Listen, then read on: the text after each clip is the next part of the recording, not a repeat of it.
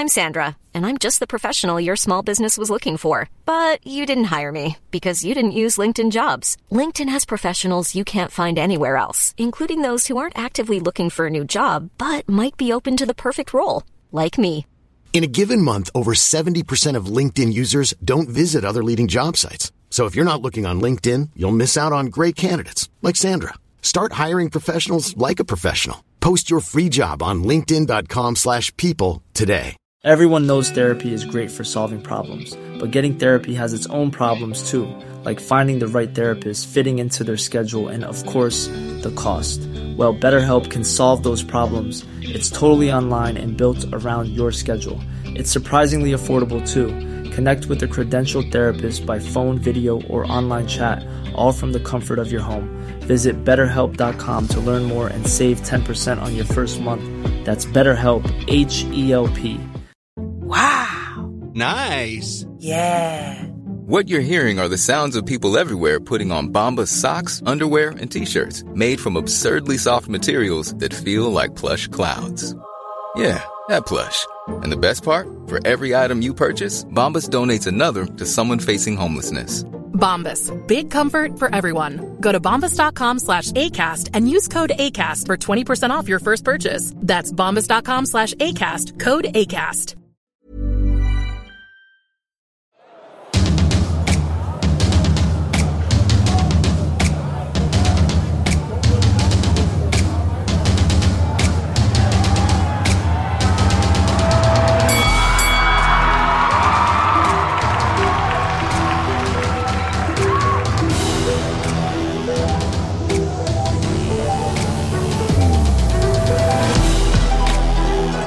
Det dags för ett nytt avsnitt av min podd, Paulos podd. Eh, och idag blir det ett eh, rätt tungt ämne. Eh, sådär. Och jag har med mig en viktig person i mitt liv. Eh, vi ska prata skuld, skam, förlåtelse, bot. Ja, det, ja, det, jag bara känner hur det bara tynger på axlarna.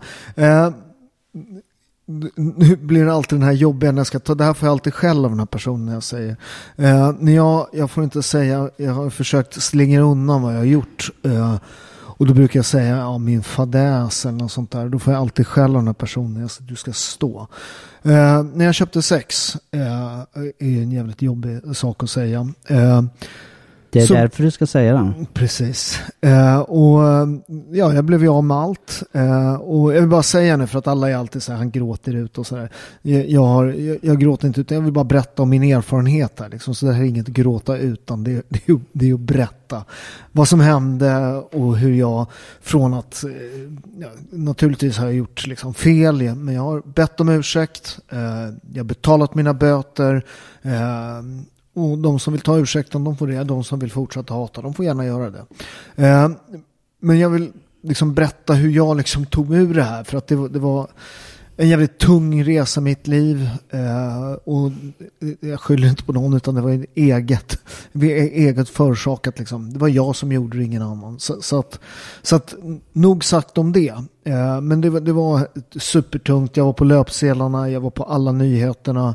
Jag blev av med allt, alla mina företag och jag var tvungen att betala min hyra. Eh, och en sak det jag kan, det är träning. Så jag la ut på Instagram, är det någon som vill ha PT-pass? Eh, då, då finns jag här. Så en dag, eh, så, ja, nästa dag faktiskt, så kom det en kille vandrande ner för min grusgång till mitt hus här. Eh, och det var Werner. Vad sa du till mig det första du sa Werner?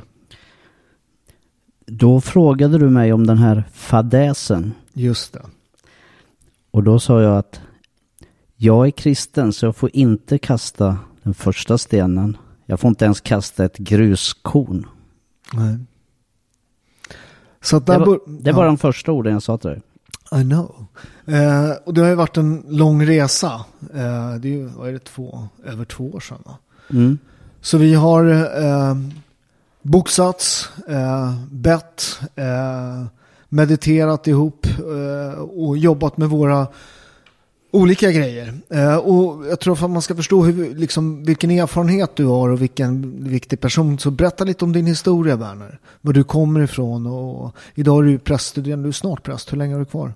Ja, jag är prästkandidat så Ja. jag har uh, ungefär ett och ett halvt år innan jag är ute i tjänst. Ja, och de ska vara tacksamma den, den som får det, dig som präst. Men, men, men du kommer ju från, eh, alltså du är ju inte den prästen, eh, nu är präststuderande, som man kanske föreställer sig, utan du har en lång, du kommer ju från någon helt annanstans i livet. Liksom. Du har ju varit jättealkoholiserad. Det finns många sätt att beskriva ett liv. Ja. Och eh, inget är mindre sant eller mer sant Nej. än det andra. Nej. Och det är det svåra med att beskriva sitt liv. Eh, jag skulle kunna beskriva mig som att jag kommer från orten och att jag eh, Vil, vilken ort? eh, inte ort i Stockholm, men en ort till Jönköping som heter Råslet. Och på Råslet säger man, eh, ni vet säkert att Zlatan brukar säga att man kan inte ta, man kan ta en grabb ur Rosengård, men man kan inte ta Rosengård ur en grabb. På Råslet så säger man en gång råslättare, alltid råslättare. Eh, och det ligger ju någonting i det, man bär ju med sig eh, sin uppväxt någonstans hela vägen. Eh, jag skulle kunna säga att jag är nykter alkoholist. Eh, jag skulle kunna säga att jag är trebarnsfar, eh, före detta metallarbetare. Jag skulle kunna säga att jag är högstadielärare. Jag skulle kunna säga en hel massa saker och allt skulle vara sant. Men allt skulle, skulle vara lika eh, svagt och missvisande ändå på något sätt. Jag skulle också kunna presentera mig som kristen. Ja, men det är det som gör det spännande att du har liksom en sån otrolig, och det, det är också det som har gjort dig väldigt viktig i mitt liv. Med den här processen att liksom, för att du har ju haft en liknande process med, med, med din alkoholism. Liksom, där har du varit ett enormt stöd i mitt liv. Liksom, där vi har kunnat prata om det här och, och vad som har hänt och förlåtelse. Och, och, och den är otroligt svår precis i det här skedet då när, när, när världen var så, alltså det, det, jag tror folk som inte har varit med om de typerna av mediedrev förstår inte liksom känslan. Alltså när Expressen står utanför med bilar och fotograferar. Eh, jag menar, man, man, man visar sig på stan, alla tittar på en. Eh, man är i diskussionsämnet. Den, eh, den massiva liksom, skammen man känner är otroligt svår att bära. Så att det är en grej som, som, som, som jag eh, tycker är viktig med skam. För skam är ju väldigt intressant. Du gav mig en bok eh, rätt tidigt som, som var superintressant. Om, vad, vad heter den? Skam? Skamfilad Just det. heter den av en eh, präst och psykoterapeut som heter Göran Larsson. Ja, för skam är ju liksom, det är också något viktigt att känna skam. Alltså för, för en, en stammedborgare, alltså man tillhör en stam, att göra fel mot andra människor, att känna skam. Men den här massiva skammen, den, den, den, den liksom när man försöker skamma folk, liksom, den blir förlamande, den blir, den blir icke-produktiv. Det, det också gör att folk aldrig kan lösa sina problem, aldrig liksom blir fri från någonting, utan det ska vara något man ständigt blir bunden till någon form av liksom sån här massmedial skampåle. Va? Men vi talar ju också, det finns ju två sorters skam. Det finns ju en sund skam, Mm. Ja, den du det. talar om, den här som finns i, skamsam, eh, i stamsamhället, Mm. där, där skammen är något bra så att vi inte går omkring och gör skamlösa saker, utan eh, den sunda skammen gör ju oss till bra människor. Men sen finns det ju den här osunda skammen som äter upp oss inifrån. För, eh, för skam handlar ju om vilka vi är, eller vilka vi tycker att vi är. Eh, s- Skulden är ju det vi gör och skammen är, är det vi är. Så därför är ju skammen så mycket svårare att hantera också när den påläggs. Ja, den blir ju totalt förlamande. Eh, och den blir ju icke-produktiv när den liksom, det är klart att man ska skämmas för man har gjort. Eh, eh, och, och ångra det man har gjort. Och, och där har ju skammen en funktion eh, som gör att det hindrar oss människor att göra dåliga saker. Men, men sen finns det ju en, en icke-produktiv del i den här. Den, den liksom när man alltså när den blir förlamande, den hindrar den från att förändras. Den hindrar den från att bli en bättre människa. Den hindrar den från att liksom ta erfarenheter av sitt liksom misstag och föra det vidare till, till samhället, göra det till en bättre person. Utan en del människor vill ju liksom se till att man ständigt är liksom fastbunden och liksom man ska kasta de här pilarna konstant på en och försöka liksom göra ner människor. Att inte, ett, och ett samhälle utan förlåtelse, det blir ju ett väldigt farligt samhälle. Ja, det är ju det, är ju det du pratar om här nu, det är ju förlåtelsen som eh, är ju den stora bristen i, i dagens samhälle. Vi har ju väldigt svårt att förlåta. Och det tror jag har att göra med faktiskt eh, sekulariseringen som har pågått eh, i stort sett ända sedan eh, 1700-talet om man ska hårdra det. Det var ju inte förrän, det, har blivit värre och värre men, men det började ju då med upplysningstiden och det, har ju, eh, det har ju inneburit att vi har fått ett helt annat sätt att se på varandra som medmänniskor också. När vi, när vi inte har relationen till Gud. Nej men det, och det är också med, med social media, det blir också så här, folk som väldigt, väldigt kör hårt med folk, som dömer väldigt hårt, som, de målar ju också in sin hörna. Alltså ju mer man är, liksom skriker högt på media, dömer andra människor, desto mer målar man sig in i en hörna där man måste vara perfekt själv. För då, ju mer du fördömer andra, eh, desto, mer finns det, desto mindre finns det utrymme för att göra egna fel. Eh, och det gör ju liksom tonen allt hårdare och allt hårdare. Det finns ju många av de här, eh, de här domedagsprofeterna och, och, som kastar hat och skit på media som har gjort själva misstag. Och det blir ju en jävligt, när man sätter sig på väldigt höga hästar, då blir fallet eh, hårt och det gör jävligt ont. Så är det. Och eh, en anledning till det här, det, det tror jag är eh, det finns en idéhistoriker som heter Lash, tror jag. Det, det är inte så viktigt, men han eh, skrev eh, om eh, den narcissistiska kulturen som har vuxit fram i västvärlden sedan andra världskriget. Eh, som bland annat har med sekulariseringen att göra. Det har att göra med att människor känner att de är mindre delaktiga i den byråkratiska processen i samhället. De känner sig mindre delaktiga på sina arbetsplatser. De känner att de ja, inte, det finns inget utrymme för dem som upplever en stor tomhet. Och det, det, har, och det har drivit fram en sorts narcissistisk människa där man hela tiden eh, själv måste vara den som, som rår överallt. Eh, och om du tänker ett samhälle där du, där du har en högre makt som eh, också spelar in och som du kan vända dig till och som eh, som du kan skylla på dessutom. Mm. Eh, när den försvinner, då är du ganska själv. Mm. Den är intressant överhuvudtaget den här när, när Eh, den, här, ja, den som är fri från skuld kastar första stenen, vår första mening. Den är väldigt intressant för folk kan ofta den första delen där när, när, när fariséerna då, hon har begått äktenskapsbrott och de tar henne då säger du som är, eh, du, vad, vad, vad, säger lagen? Och säger mycket riktigt hon ska stenas till döds. Men den som är fri från skuld kastar första stenen. Och då går tydligen först de lite äldre som förstår och kvarstår de mest unga och arga, men de går ju till slut också. Men det intressanta är vad han säger efter. Han mm. tar hennes händer, tittar henne i ögonen och säger Inte heller jag dömer dig. Gå nu och synda inte igen. Inte ens han, Guds son, dömer. Det är rätt spännande. Och vem är jag att döma då? Nej, och, och, vi har ju ingen, ingen rätt att döma. Men det svåra med förlåtelsen tror jag, det, det är som...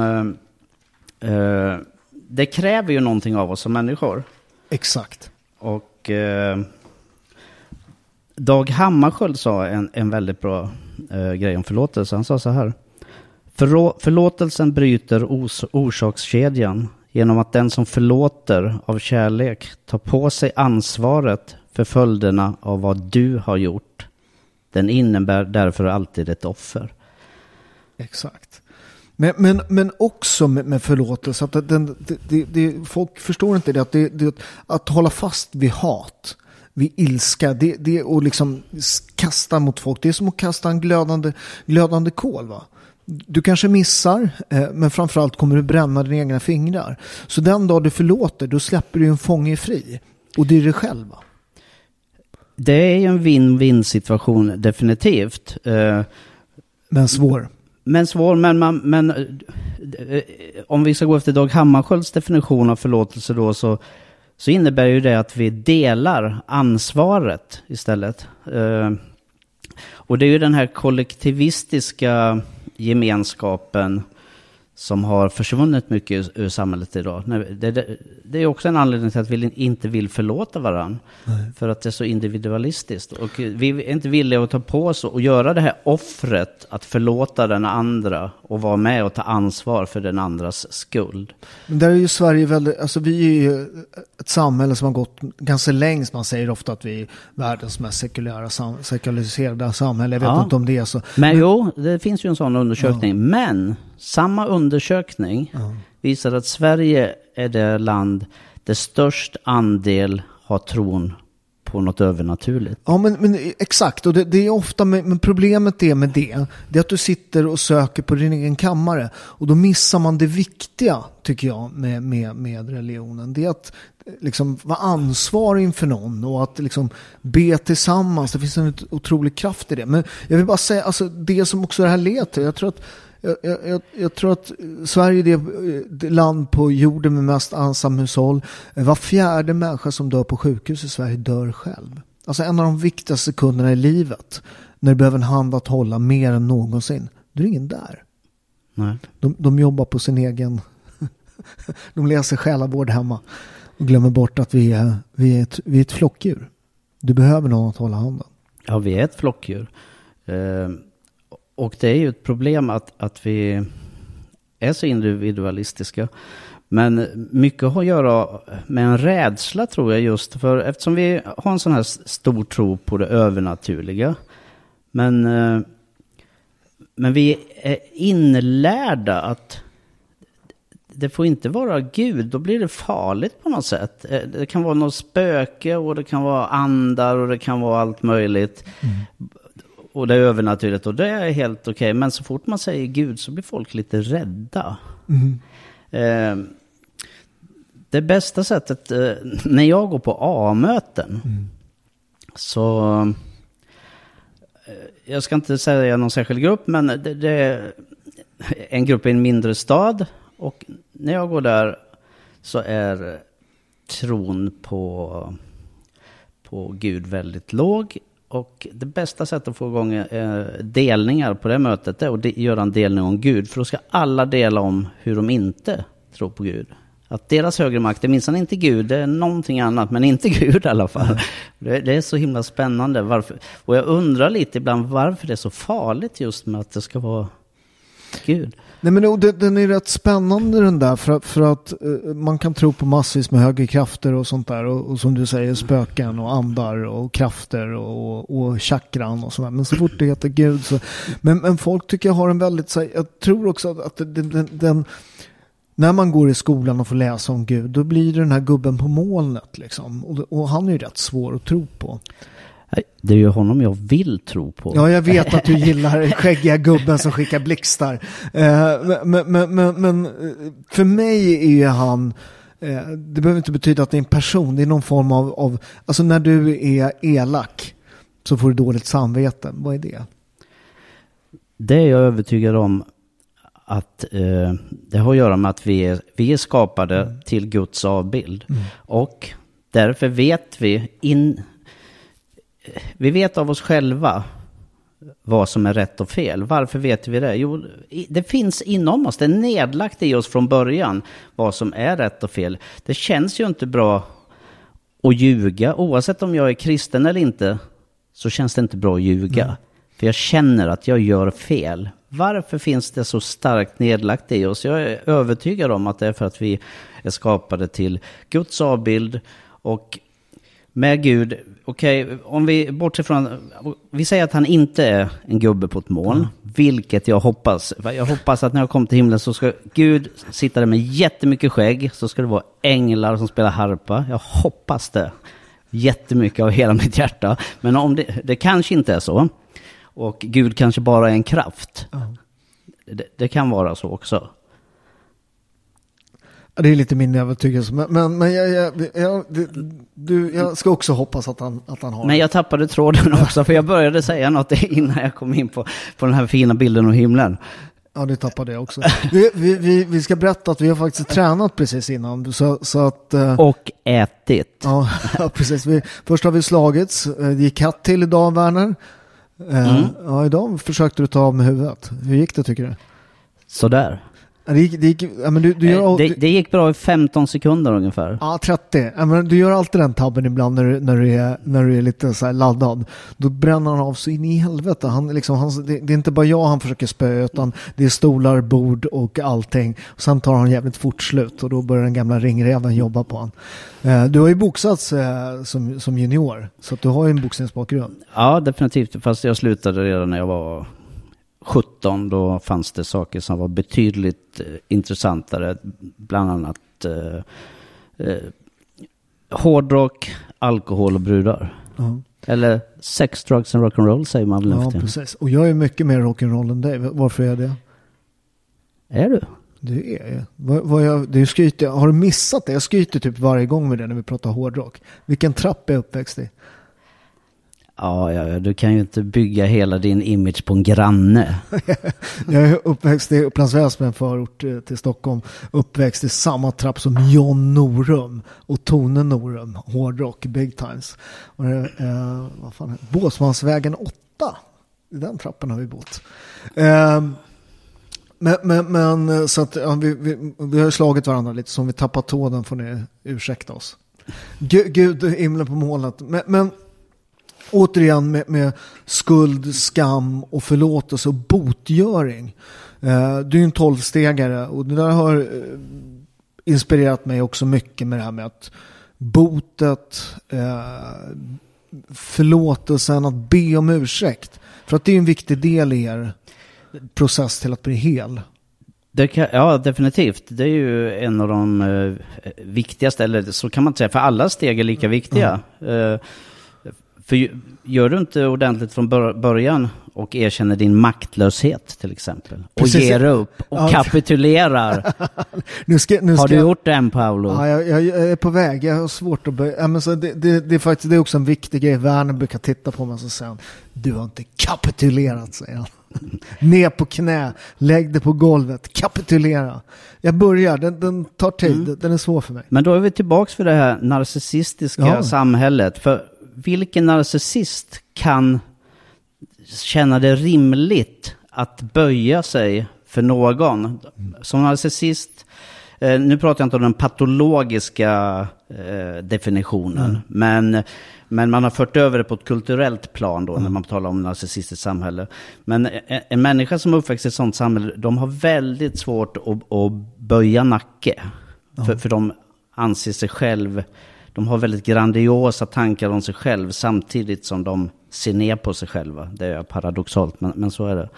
Eh, och därför är det så viktigt nu i dagens eh, eh, samhälle, det här första steget, att, att göra det fullt ut, att erkänna sin maktlöshet. För det är där vi alla, jag tror inte att det bara är alkoholister, utan jag tror alltså att i stort sett alla människor har någonting i livet som de känner så här, shit, det här skulle jag vilja ändra på. Ja. Till exempel att det är någon som sitter och tittar alldeles för mycket på tv och känner att "Nej, jag skulle ha gjort något annat kanske med mitt liv än att bara sitta så här. Man kan inte bryta det här. Eller någon som eh, äter för mycket godis och liksom mår dåligt av det. Eller det kan vara i stort sett precis vad som helst som, eh, som gör att du inte riktigt är den du vill vara.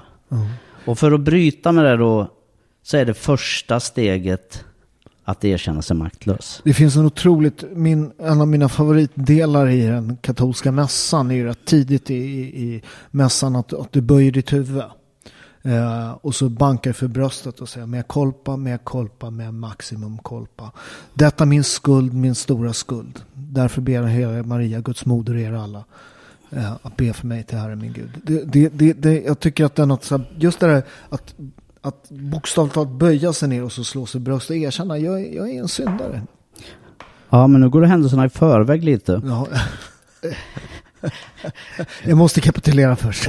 Först kapitulation, Ja, är sen bekännelse. Ja, okej. ja. Du är alltid så snabb Paolo. ja, jag vet. Nej, men så jag tror att det är väldigt viktigt att, att eh, oavsett, oavsett vilket problem det vi har som vi vill bli av med så måste vi börja med att kapitulera, att ge upp. Eh, innan dess så driver vårt ego oss alldeles för mycket. Det, det är så väldigt, är väldigt starkt nedlagt i människan. Egot är så otroligt starkt och vill ju driva igenom allting på sitt sätt. Så, så att ge upp är en förutsättning. Jag jobbar på den världen. Men jag blir, jag blir lite, jag är nere i ena knät nu. Mm. Men sen, eh, eh, sen steg två, där har du ju redan att, att eh, då ska man ju hitta en kraft som är större än en själv. Eh, som kan ge, ge en sitt förstånd tillbaks. Eh, och i steg tre så lägger man sin vilja och sitt liv i händerna på Gud så som jag ser honom. Hiring for your small business? If you're not looking for professionals on LinkedIn, you're looking in the wrong place. That's like looking for your car keys in a fish tank.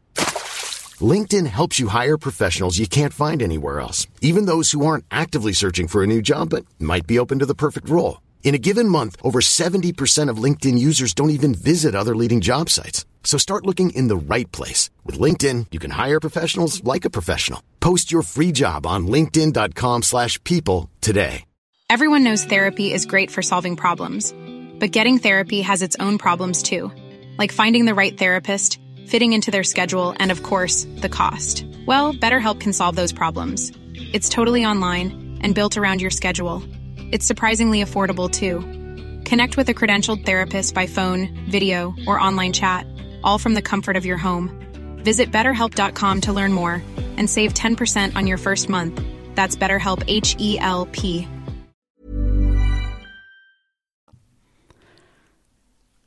Nu, lä- nu lägger Werner in en snus. Ri- riktig snus också. Ingen påse. Nej, lös.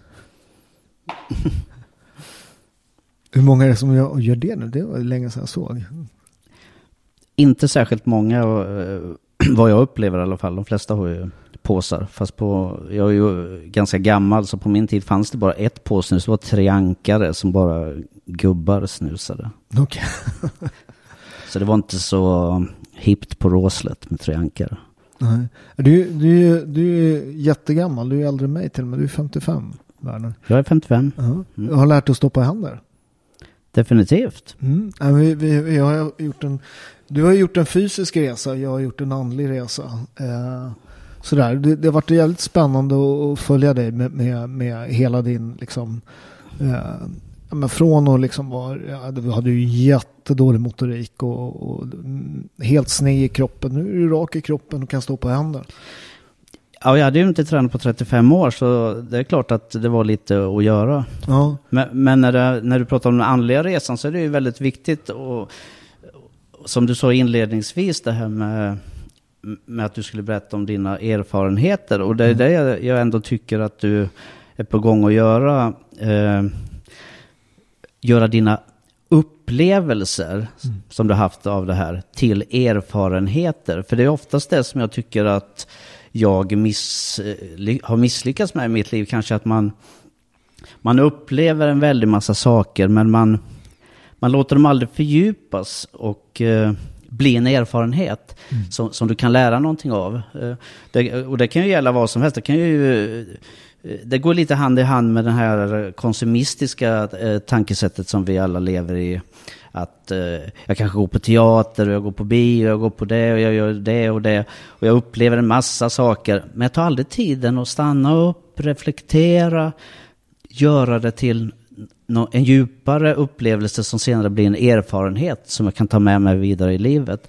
Men, men det är ju det som är så roligt att se att du, du tar med dig de här upplevelserna av allt det här dåliga som har varit och gör dem till en erfarenhet som blir något gott.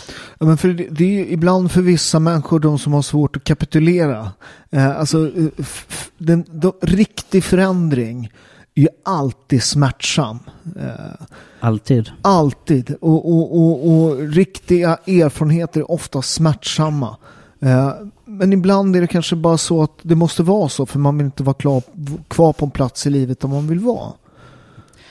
Ja, så är det. Ehm, och Ja, men de viktiga lektionerna, de riktigt viktiga lektionerna, de, får man ju all, de, de, de, de är alltid förknippade med smärta, eh, förnedring för mig och, och, och, och, och, och hån och allt sånt. Men det blir ju, ju starkare den är, eh, den liksom totala alltså smockan. Eh, kan man resa sig efter den så har man ju liksom en erfarenhet som, som, som, eh, ja, som kommer hjälpa en i livet. Ja, definitivt. Jag, jag kan ju bara relatera till mitt liv och jag hade ju också eh, en väldigt tuff period när jag, när jag kapitulerade och eh, verkligen var på, hade nått botten av mitt liv och eh, var bara en människospillra.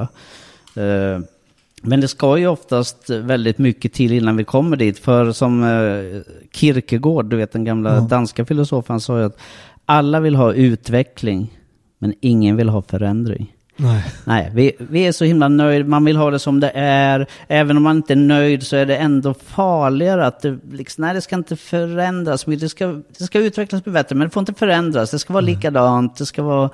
Vi törs inte riktigt, för det... Vi är lite trygghetsnarkomaner allihopa, tror jag, mer eller mindre. Så vi vågar sällan ta det här steget. Så oftast behövs det kanske att man... Att man... Eh, fullständigt hamnar på botten för att man ska kunna ta det stora steget vidare. Ja, precis. Förändring är smärtsamt, men ingenting är så smärtsamt som att vara på, kvar på en plats man inte hör hemma. Är, är det ju så. Och det, det, det, att bli totalt krossad, krossad eh, ger också en, en möjlighet att liksom på riktigt bygga om sitt liv. Om du, om du, har, om du har fått allting raserat så finns det det finns eh, någon form av, av skönhet i det. Att, att vara totalt eh, ner. Alltså för att är, ligger man i rännstenen så finns det bara liksom ett ställe att blicka. Det, är- det är mot himmelriket. Per aspera dastras sa alltid min moster. Genom svårigheterna mot stjärnor. Ja, jo, men jag håller med dig fullständigt. För eh, det, det är först på botten som man också Eh, kan möta sig själv på, på riktigt. När man har skalat bort allt det här runt omkring och man är själv med Gud i mitt fall då. Det är först då man kan, kan gå vidare på något sätt. För som du sa, det är också en viss frihet i det här när man, man kanske har i stort sett förlorat allt. Mm. Det finns bara en väg, eller ja, det finns ju alltid kanske fler än en väg, men alltså det finns en väg framåt och det finns ett, eller så är det slut liksom. Och då, när det blir så totalt eller tydligt liksom att nu, nu gäller det så, så finns det en viss frihet i det eh, också. Ja, Eh, faktiskt. För när, när jag verkligen hade nått min personliga botten då, då, eh, då kunde jag känna en viss frid Mm. i det totala nederlaget på något sätt. Eh, och eh, kanske var det därför som jag tyckte det var inte, att det inte var så svårt att kapitulera i mitt fall. Nej, nej men det, det finns så, det, fin, det tar ju också makten ifrån folk. När de, när de kallar det för horbock och allt sånt. Så här, men, korrekt. det, det, det stämmer va. Eh, det är ju li, lite, lite, lite som, som bögarna gjorde. När, när det var ju skällsord och så började de kalla sig själva för bögar. Och så tog de ifrån folk makten, den förolämpningen. Utan det var ett kraft istället i den liksom. Eh, så, så, så, så att, eh, att liksom bara hålla med. Det är stoicismen som är, förutom, jag tycker att det ligger en del stoicism i, i kristendomen också. Det finns ju en sån del där man, där man, där man så verkligen så här, om man blir förolämpad, att man bara ska hålla med.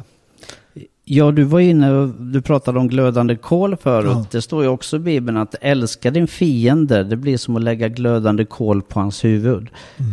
För eh, du har kanske varit med om det någon gång när man var ung så, här, så var man taskig mot någon i skolan. Och sen när man skulle hem så, så hamnade man med den här personen på tu man hand och så gjorde den något snällt mot den. Och då mådde man ju jättedåligt. För att den var liksom, eh, den älskade en liksom tillbaka fast, fast man hade varit taskig mot den. Och då blev det verkligen som, jag kan känna igen den här referensen från Bibeln, det kändes som att fick glödande kol på sitt huvud. Så, så det ligger en kraft i, i kärleken att man, att det- älska sin fiende. Ja, men det är en av de stora, det är som Gandhi som, som, som liksom befriar, eh, alltså besegrar, eh, alltså nu, nu har de ju tjatat ut den här icke-våldsprincipen, men, men alltså har du ingen våldskapital så funkar det att böja huvudet och bli slagen. Besegra världens största militärmakt på den tiden, England va? Ja, vända andra kinden till. Precis. Full av citat. Eh, om du inte blir förlåten då? Om folk inte vill förlåta dig? För det är ju en del i ert tolvsteg Mm. att bli förlåten. Vad, vad gör man då? Ja, det viktiga är ju i alla fall att eh, du gör allt du kan eh, för att bli förlåten. Det är ju några steg innan eh, där du... Det är ju vä- väldigt mycket rannsakan också, självrannsakan.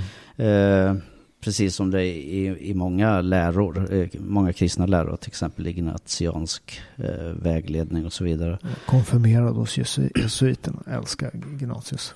Ja, och då vet du hur viktigt det är med självrannsakan. För man, eh, det hjälper en att växa som person också. För eh, om du är tillräckligt ärlig, och ärlighet är en av grundstenarna i hela programmet, att vi ska vara omutligt ärliga.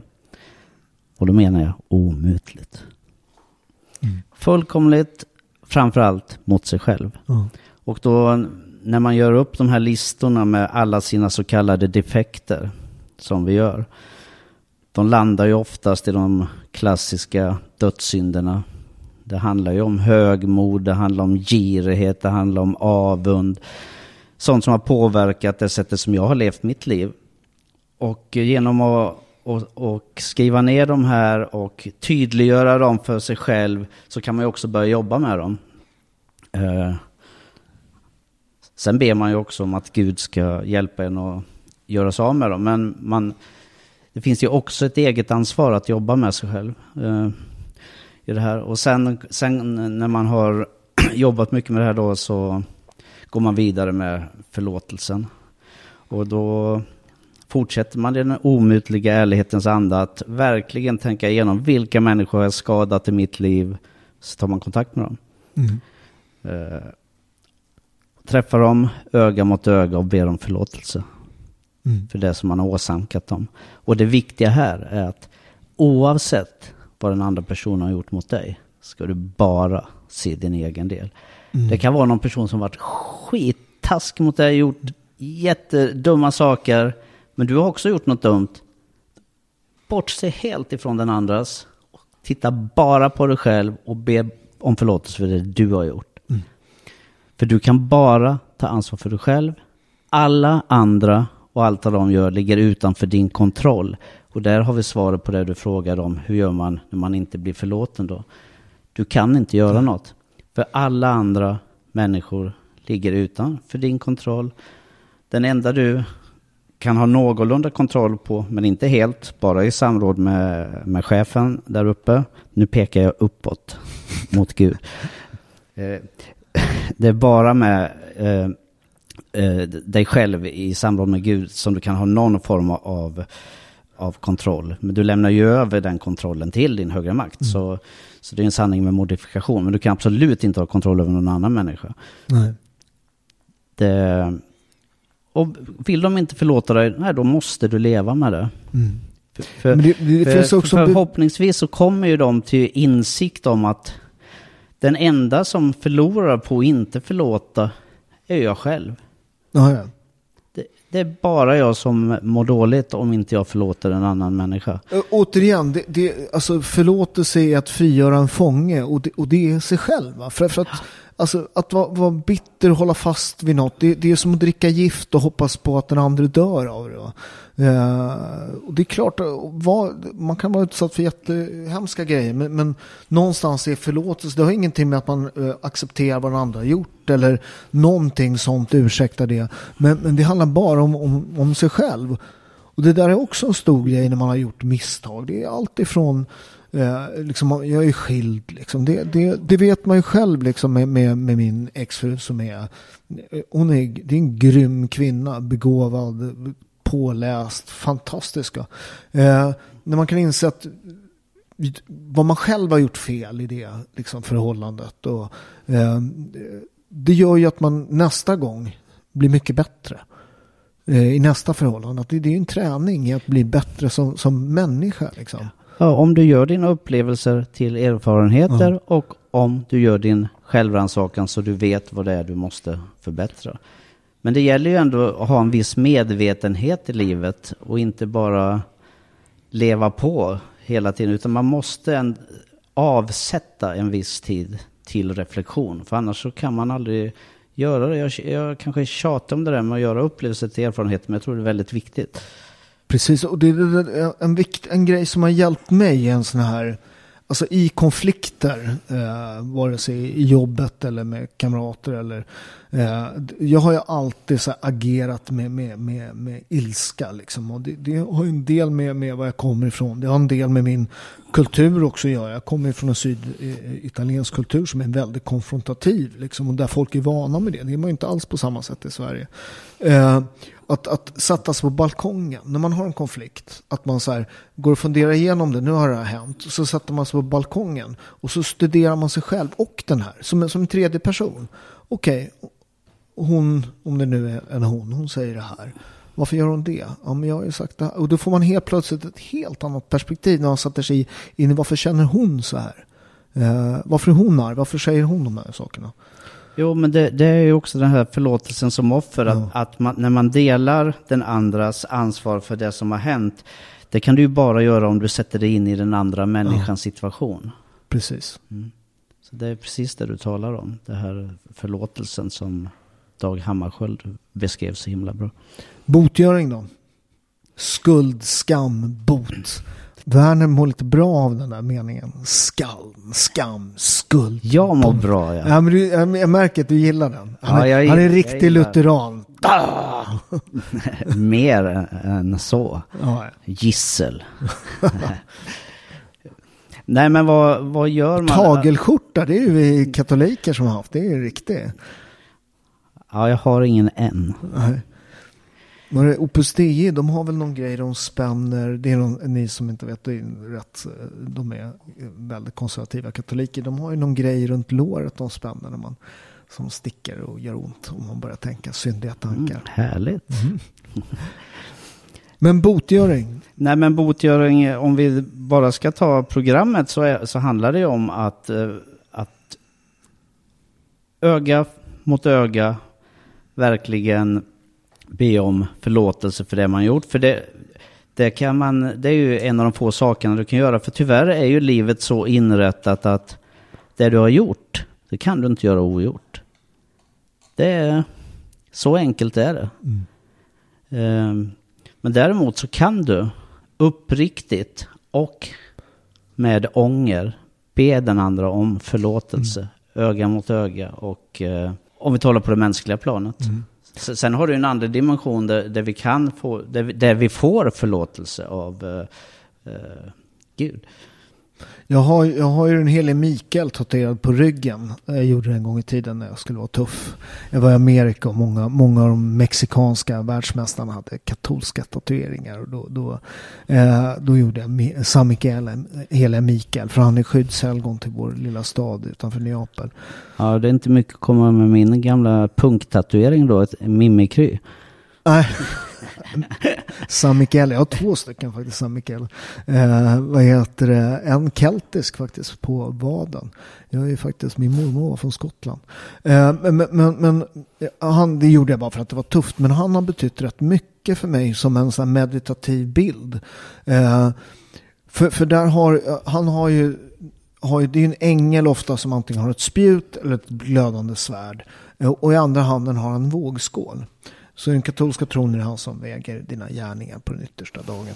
Eh, och då fin det finns något väldigt frigörande i vågskålen. För att om du lägger, alltså du är ju inte kört för dig. Även fast du varit en fullkomlig jävla dumskalle. Eh, utan du kan, du kan lägga saker i den goda vågskålen. Och det kommer väga upp det dåliga du gjort. Det finns en väldigt sympatisk tanke i det. Att, att kunna gå vidare i livet och fortsätta vara en, en bra, alltså, en tillgång till samhället. Istället för att bara bli en våt fläck som en del vill eller, eller, eller fortsätta att vara en dålig människa. Liksom. Ja, i lutherdomen då så har vi ju med den här att vi har Guds nåd mm. oavsett gärningar. Men det är en sanning med modifikation för Luther förespråkar såklart goda gärningar också. Men, eh, men jag tror att det har, på ett mänskligt plan, tror jag att det har en jättestor betydelse när det gäller att gå vidare, att göra goda saker. För jag tror att det är så här, nu är det jättedålig podd, men om du tänker att du har ett diagram och det finns en linje. Nu ritar han en linje med handen. Mm. Det, är det, det är det som visar var, vem du vill vara. vara. Ja, den här vill du vara. Sen finns det en linje under den linjen, ett diagram, kan du tänka dig? Ja. Mm. Som visar vem du är. Och när du gör din självrannsakan och så kanske du kommer lite... Den du är kanske, den linjen kanske flyttar sig lite närmare mot den du vill vara. Mm. Och det är ganska bra för det är det här utrymmet mellan de här två linjerna.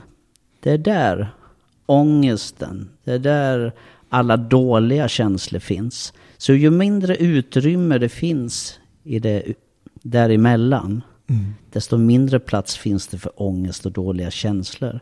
Så ju mer bra saker du gör och ju mer du blir den du vill vara, desto mindre utrymme finns det. Så tror jag att det fungerar. Väldigt bra liknelse. Bra eller?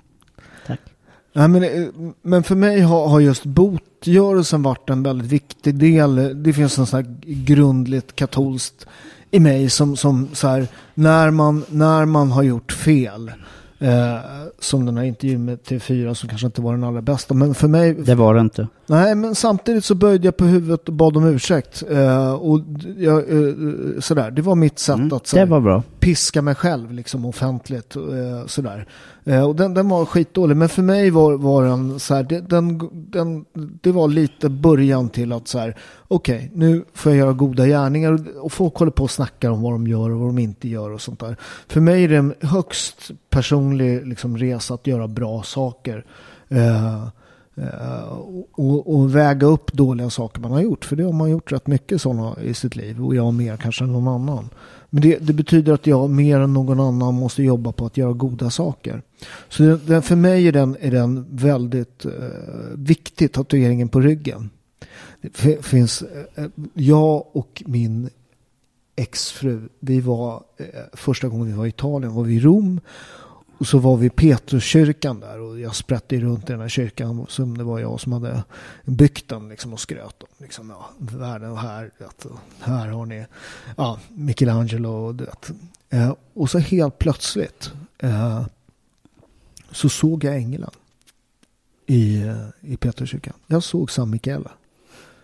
Alltså, och då visade det sig att den här tatueringen jag har på min rygg, det är en tavla eh, från Sankt Mikaels kapell i Rom. Eh, så jag bara, där är ju tatueringen. Jag hade bara hittat en bok och så bett dem tatuera in den. Så jag tänkte jag måste gå dit. Och så skulle jag gå dit och då var det avspärrat. Då var det schweizergardister. Eh, eh, och så, så jag skulle vilja gå in och, och titta. Bara de som går till bikt får gå in. Och då förstod jag att det var dags att bikta sig. Jag hade inte biktat mig på evigheter. Så, så att eh, fantastisk präst eh, och bikta mig. jag vet hur länge var det, kom ut storgråtande. Men är det någonstans man ska gråta så är det, är det Italien. Stod någon tjock tant och väntade i kön där utanför och bara kramade. Bravo, bravo. så, så att, eh, så det gör jag nu. Jag biktar mig igen. Eh, ja, jag tror definitivt på biktens kraft och man kan ju bikta sig i Svenska kyrkan. Eh, det är bara att gå och fråga en präst så får du bikta dig. Eh, och jag tror ju verkligen på biktens kraft. Vi gör ju det i programmet, i tolvstegsprogrammet också. Då erkänner vi ju alla de här felen som vi, och defekterna som vi har hittat i ett av stegen inför Gud och en medmänniska. Och jag tror att det är väldigt viktigt det här med medmänniskan. Exakt. Att den är med.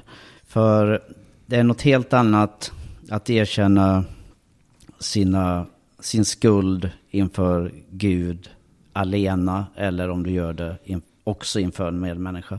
För det blir, det blir något helt annat. För, för vi som människor, vi, vi blir ju ändå till på något sätt i relationen med andra. Ja, ja. Eh, du kanske vet det att eh, ordet person eh, kommer från eh, grekiskan.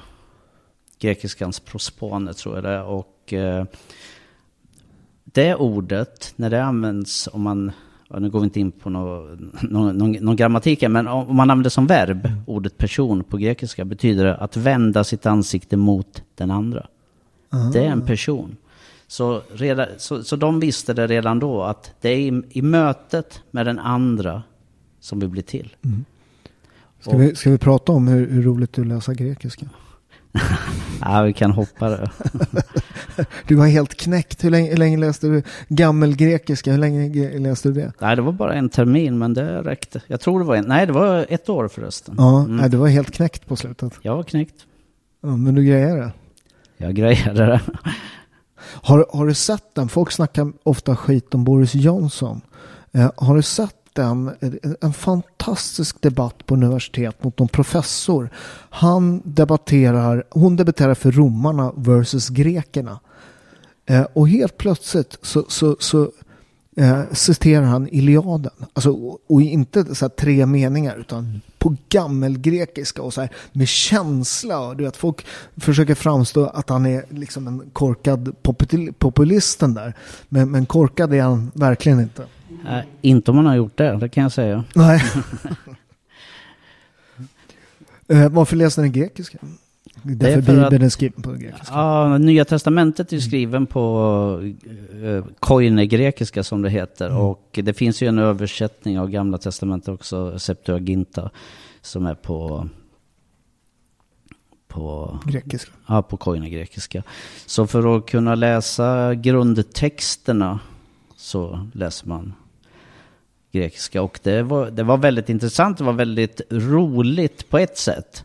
Om, om man hade haft eh, mycket mer tid och så vidare. Så eh, jag ska ta upp det igen för det, är väldigt spännande att komma i kontakt med grundtexterna.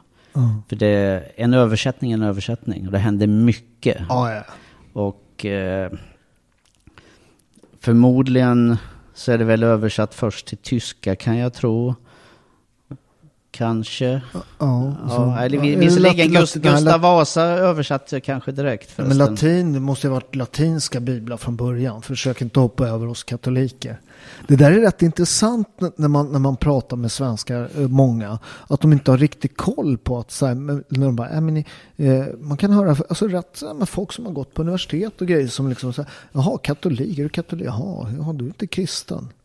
Det är vi som är kristendomen. Jag brukar säga så ni vet att ni har varit katoliker lika länge som Ni var varit först i alla fall. Ja, ja, men vi- och, och, vi, ni var ju, vi var katoliker. Jag sa ni var ju först. Vi, ni var ju också katoliker. Ja, ja. Fram Jo. till den där Gustav Vasa. Och ni vet att, det, att reformationen, nu ska vi vara allvarliga, reformationen, alla de här Dackupproren, allt det är katolska uppror, en del i det. I Dackes brev han skickade till Vasa var först skatterna, det vi fick lära oss i skolan. Nummer två på listan stod det eh, eh, vi vill ha tillbaka mässordningen i gammal god sed. För snart kan en bonddräng vissla mässan bredvid en gödselkärra. Det är snacka om bra citat. Eh, så att, det finns en bra bok, eh, Gustav Vasa, landsfader eller tyrann. Eh, Japp. Väldigt bra bok. Eh, Men vi har ju ganska många latinska uttryck kvar, så det är många katoliker som känner igen sig i Svenska kyrkans ordning. Just för att vi har ju rätt mycket katolska Absolut. uttryck också. Alltså, alltså det, men det är, ni, har ju, ni har ju ändrat lite smågrejer bara, men sen är ju mässan rätt. Ni har tagit bort påven. Ja, jag är ju så ekumenisk så jag, jag ser ju alla kristna som kristna. Det gör jag också. Men det, det är kul. Och, det, och, och Werner, du gillar ju katolska mässan också. Det finns en Definitivt. del. Eh, f- för att eh, kanske kritiken mot Luther, om vi ska ta ett sidospår, min kritik, det är att, att, att protestantismen varit väldigt mycket så här läser vi boken. Man försöker intellektualisera något som är emotionellt. Gud går inte riktigt bara att närma sig intellektuellt utan man måste först och främst närma sig in, emotionellt. Ja, så, så så är det en förenkling för... Eh, det finns ju... Eh, Joel Halldorf och Hagman, de har ju skrivit om eh, att det har varit flera lutherdomar. Först hade vi en lutherdom som liksom inte byggde på Luther alls och sen hade vi någon Luther... Byggde på att Gustav Vasa ville ta... Ja, men lite så. Jag, jag, jag kan inte det här exakt, men alltså, de menar att det har varit flera olika Lutherdomar och det handlar om hur man har tolkat Luther och sådär. Så jag, det, det är för komplicerat att gå in på så här, eh, just Lutherdomen. Absolut, men jag måste få, jag måste få ge lite nålstick. Werner. Det får du. Tack Werner. Jag, jag är stark. Jo men, det, men det, det, det, det är ju något som jag tycker är något positivt. Att, så här, att man kanske eventuellt börjar närma sig varandra. Eh, och rätt, rätt mycket är ju faktiskt likt. Man känner igen när man går på en protestantisk gudstjänst. Eh, alltså, det är liksom, it's the same, det är samma gud fast utan påven. Ja, och, ja, och så har ni missat helgonen. Ja, men jag har ju varit på mässan nere i, i Italien och det... Eh, är det texter som man känner igen då, då är det ju rätt så... Ja. Då känner man igen väldigt mycket. Vi har, vi har varit på mässa tillsammans i, i min stad. Ja, det- Werner var djupt besviken. Det, det var väldigt... Det var, vi, Förinspelad musik, det Ja. var ju lite beige tycker Ja, jag. ja, det, det var, det var, de har ju, vi, vi hamnade på, de har en snabbmässa. Italienskt, de bara, ja, ja, brabblam, och så nattvarden och så kunde man gå. Eh, men där, där om du tittar i Syditalien, där är ju liksom, eh, alltså det finns ju en grej som jag tycker vi missar i, i om vi ska ta ett väldigt stickspår. Det vet jag nu och, och, och alltså man är med kompisar när det händer några av de stora högtiderna som långfredagen till exempel. Att i Neapel som är så här totalt kaos, folk tutar och skriker och så här. Och så kommer det här tåget med barfota kvinnor, svartklädda, hucklen och så blir allt tyst. När man så här, som i vår lilla stad, eller lilla, där bor 44 000 där. När en hel stad ägnar sig tillsammans åt något. Det finns en enorm emotionell kraft som är så otroligt stark. Va? Så man säger att, att, att, att religionen har ju varit otroligt viktig för att bygga civilisationen. Att det har hjälpt oss att hålla samman. Liksom. Ja men definitivt så är det och försam- det är ju därför församlingsbygget är så viktigt och, och Svenska kyrkan jobbar väldigt mycket med det. Men, eh, men det är svårt i ett land som är så sekulariserat som Sverige. Det, det, blir ju inte samma genomslag som det blir i Italien. Där- lever man ju och andas man religionen. Det är ju en del av vardagen. Eh, Jag skulle tro att frågan Tror du på Gud är en icke-fråga i Italien. Det känns nästan så. Ja, men jag, vet du vad? Jag frågade min kusin för herrans massa år sedan. Så här, hon jobbar inom modeindustrin och är väldigt hipp och så här. Hon har varit chef för, jag tror hon var chef, ekonomichef för Benetton i Amerika. Hon har, hon har varit en jättehög chef inom modeindustrin i alla fall. Eh, skitcool tjej. Och hon är så här superhipp och ball och sådär. Så vi satt någon kväll där och hade liksom, eh, satt på en mur liksom utanför bondgården där vi kommer ifrån. Och så, så tänkte jag så här, fan, tror du på Gud? Och hon tittade på mig som jag, eh, så det, det, det, det var den konstigaste frågan. Och hon bara, ja.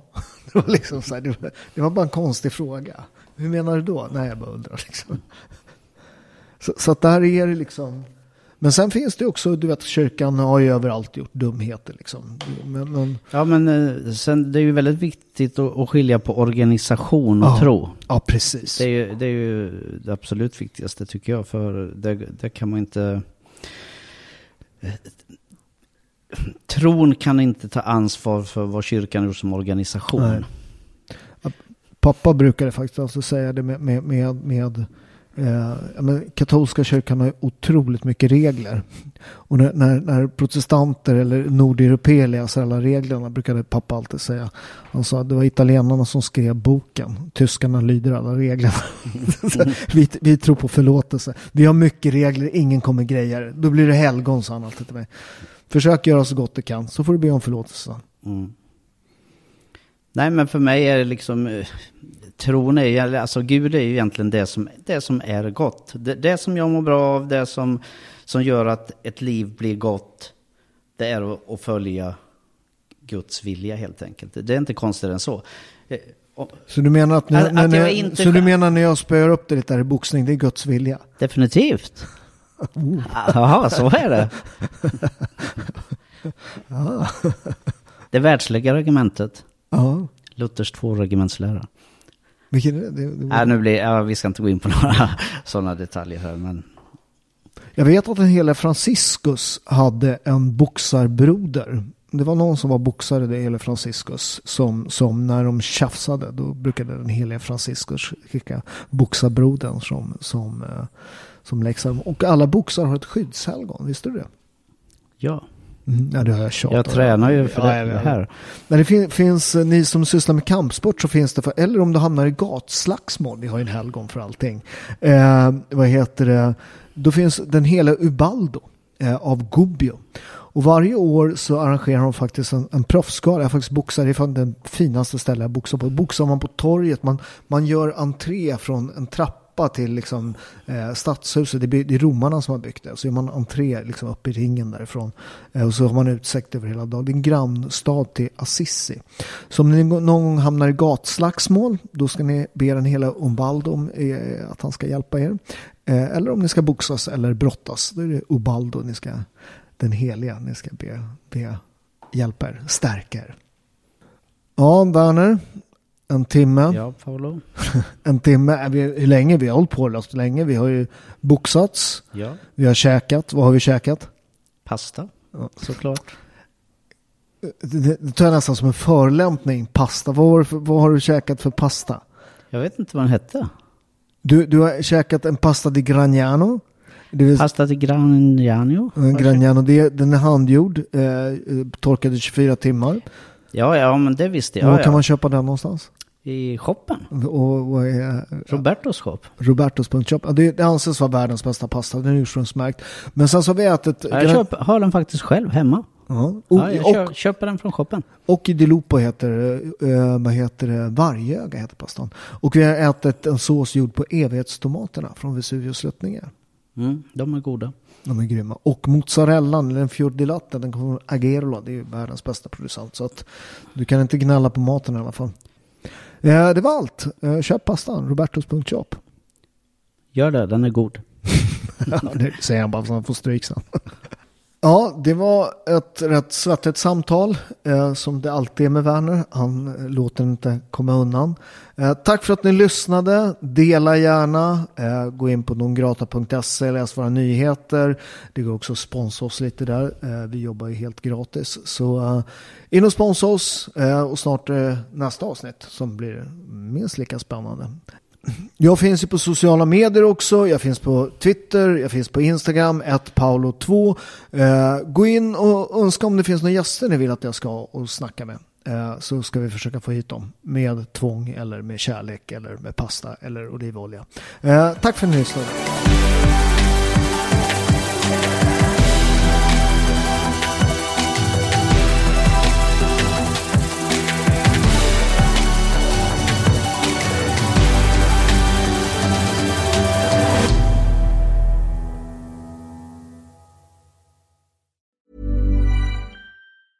Hey, it's Paige DeSorbo from Giggly Squad. High quality fashion without the price tag. Say hello to Quince.